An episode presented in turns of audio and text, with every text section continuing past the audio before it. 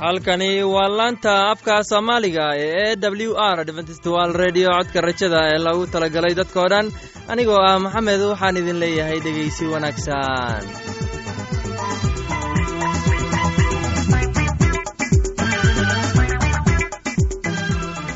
barnaamijyadeena maanta waa laba qaybood. Qaybta koowaad waxaad ku maqli doontaan barnaamijka caafimaadka uu inoo soo jeedinaya shiino kadib waxaa inoo raacaya cashar. Inaga yimid buugga nolosha uu inoo soo jeedin doona sulaymaan. Labadaasi barnaamij ee xiisaha leh waxaa inoo dheeraysa daabacsan oo aynu idiin soo xulnay kuwaas aynu filayno inaad ka heli doontaan. Dhegaystayaasheenna qiimaha iyo khadradda leho waxaynu kaa codsanaynaa inaad barnaamijkeenna si haboon u dhegaysataan. Haddii aad wax su'aalaha qabto ama adaysid wax tala ama tusaale fadlan inala soo xiriir. Dib ayaynu kaaga sheegi doonnaa ciwaankeenna bal intaynan u guuda galin barnaamijyadeena xiisaha leh waxaad marka hore ku soo dhowaataan heestan daabacsan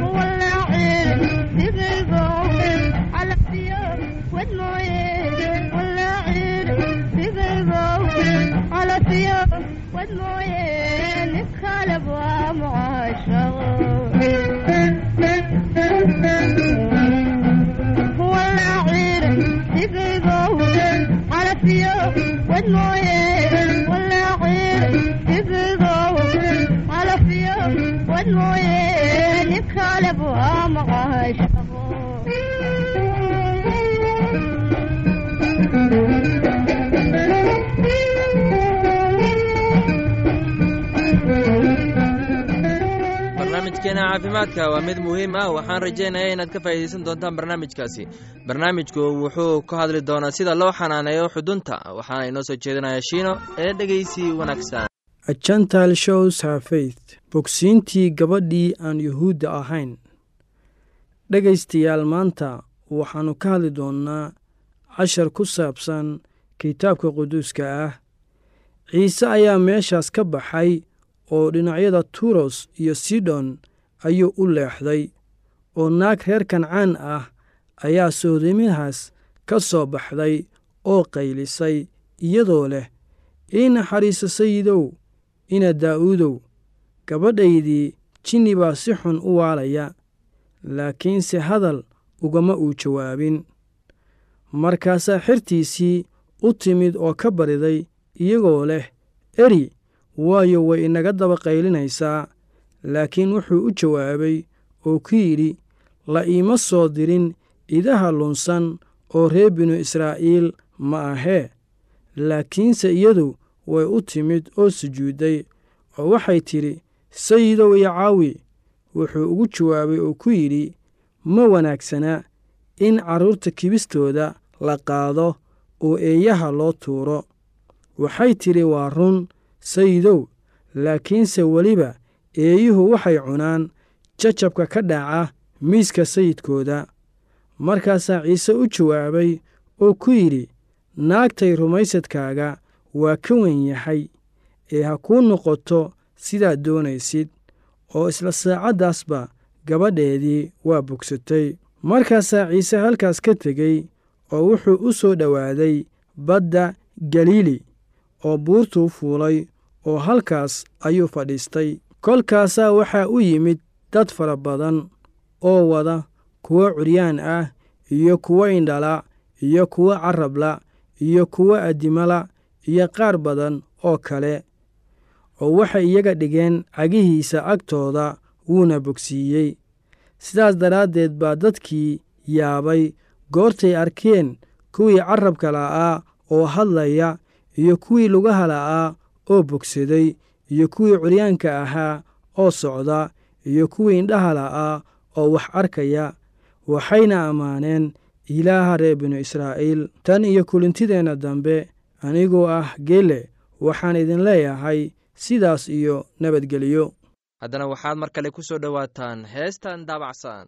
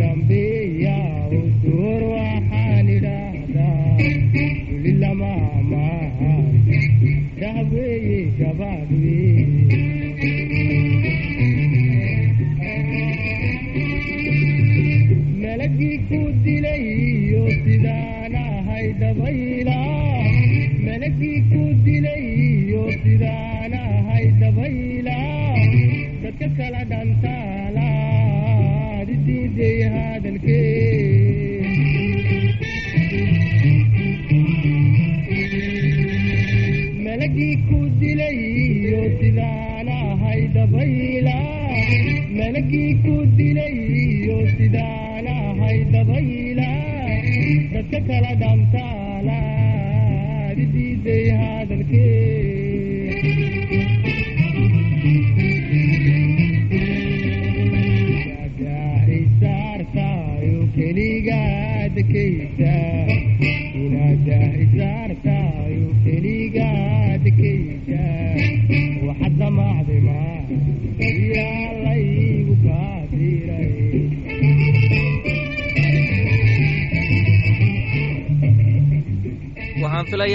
hesheen heestaasi haddana waxaad ku soo dhowaataan casharkeenna inaga imaanaya bugga nolosha.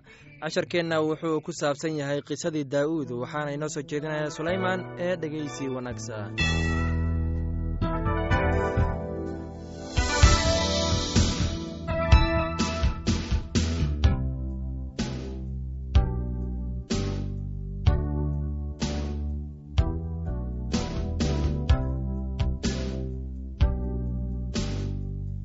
dhegaystayaal walaalayaalna waxaa halkaasi ka sii wadi doonaa qisadii ku saabsanayd daa'uud oo la dagaalamaya dadka reer falastiin isaga iyo addoommadiisii kale. Oo taas dabadeeda waxay noqotay in reer falastiin haddana goob lagula diriray oo sibikey oo reer xushaad ahaa wuxuu dilay saaf oo ahaa mid ka mid ah wiilashii raafa. Oo haddana reer falastiin waxaa lagula diriray goob oo elxanaan ina yacarey oregim oo reer beytlaxem ahaa wuxuu dilay goli'aad oo reer gaad ahaa oo saamayda warankiisuna waxay la ekayd dharsameeyaha looxiisa. Oo haddana waxaa dagaal ka dhacay gaadh halkaasna waxaa joogay nin aad u dheer oo gacmahana mid kasta wuxuu ku lahaa lix farood cagahana mid kasta wuxuu ku lahaa lix farood oo farihiisuna kulligooda waxay ahaayeen afar iyo labaatan oo isna wuxuu ku dhashay raafaa oo markuu reer binu israa'iil caayey waxaa isagii dilay yonatan oo daa'uud wiilashiisii shimcii ahaa dhalay. Afartaasu waxay raafaa ku dhasheen gaad oo waxay ku dhinteen daa'uud gacantiisii iyo gacantii addoommadiisii daa'uud wuxuu rabbiga kula hadlay erayadii gabaygan. Maalintii rabbigu ka samato bixiyey gacantii cadaawayaashiisa oo dhan iyo gacantii sawlba oo wuxuu yidhi rabbigu waa dhagax weyn oo igabaad ah iyo qalcaddayda iyo samato bixiyahayga xataa waa kayga iyo ilaaha ah gabaadkayga. Isagaan isku hallayn doonaa isagu waa gaashaankayga iyo geeska badbaadadayda iyo muraayadayda dheer iyo magangalkayga iyo badbaadshahayga waxaad iga badbaadisaa dulmiga. Waxaan baryayaa rabbiga istaahilaa in la ammaano oo sidaasaan cadaawayaashayda kaga badbaadin doonaa. Waayo waxaa i hareereeyey hirarkii dhimashada oo waxaa i cabsiiyey daadkii cibaado la'aanta. Waxaa igu wareegsanaa xadhkihii sheeool oo waxaa i qabsaday dabnidii dhimashada. Anigoo cidhiidhi ku jira ayaan rabbiga baryey haa waxaan u qayshday ilaahay oo isna codkaygu macbudkiisa ka maqlay oo qayladayduna dhegihiisay gashay. Markaasaa dhulku ruxmay oo gariiray oo samada aasaaskeediina wuu dhaqdhaqaaqay oo wuu ruxmay maxaa yeelay ilaah waa cadhaysnaa. Oo dulalka sankiisa waxaa ka soo baxay qiiq afkiisana waxaa ka soo baxay dab waxgubaya oo dhuxulaa ka shidmay isaga. Oo samooyinkiina wuu soo foorarshay oo hoos buu u soo degay oo caagihiisana waxaa hoos yeela gudcur weyn wuxuuna fuulay keruub wuuna duulay. Haa waxaa lagu arkay isagoo fuushan dabaysha baalasheeda oo gudcurkii wuxuu ka dhigay taambuug hareerihiisa ku wareegsan iyo biyo urursan iyo daruuraha qarada waaweyn oo cerka oo nuurka hortiisa yaal aawadiisna dhuxulo dab ah ayaa shidmay rabbiguna wuxuu ka onkaday samada sareeyuhuna wuxuu ku dul hadlay codkiisa. Markaasuu fallaaro soo ganay oo kala fadhiyey iyagii oo wuxuu soo diray hilaac wuuna baabi'iyey iyagii.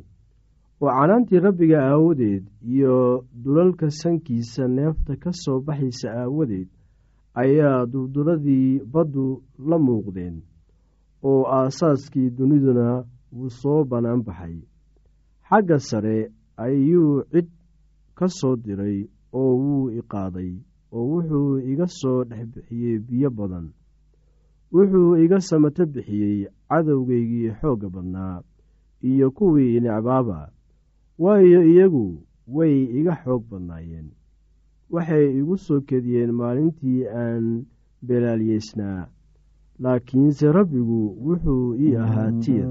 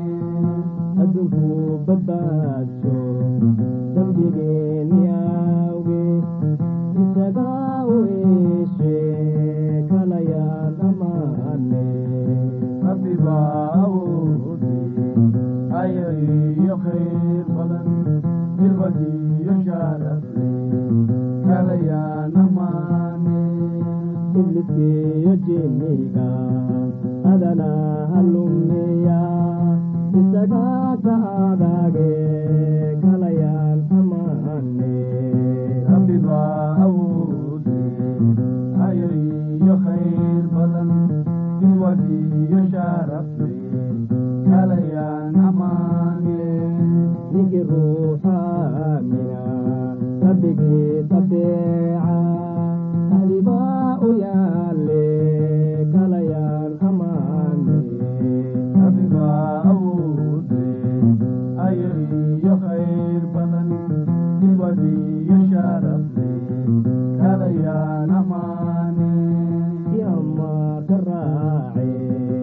ilaahay rumeeya ahlibaa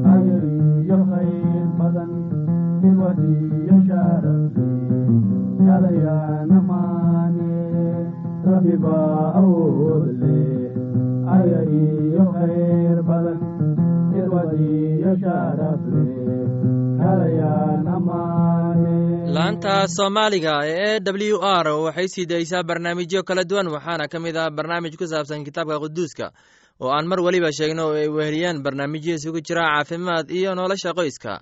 Casharkaasi inaga yimid bugga nolosha ayaynu ku soo gabgabaynaynaa barnaamijyadeena maanta.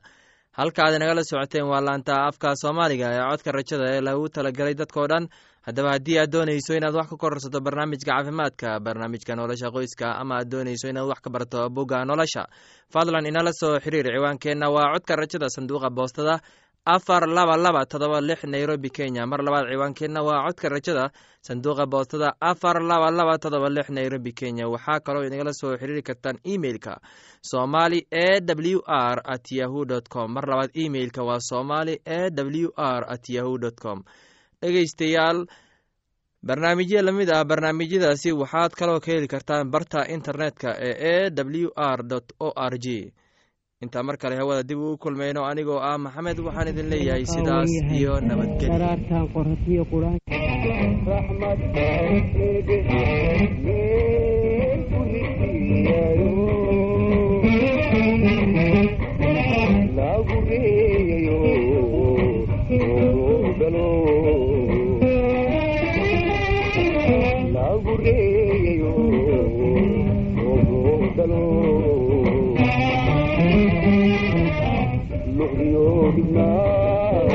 qabaqaadayo ka dhexyeynay raysiyo xariir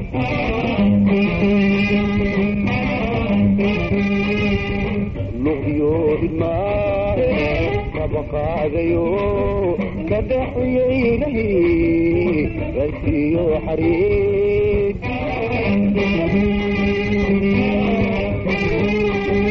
ramashidu indhaa wayuurontahe miaraba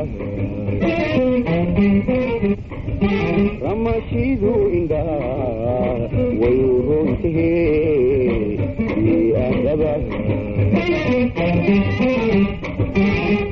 raxadii adduunkay feeraan yagleele raxadii adduunkay feeraan yagleele labadii isku raysiyo isku ruux ma noqona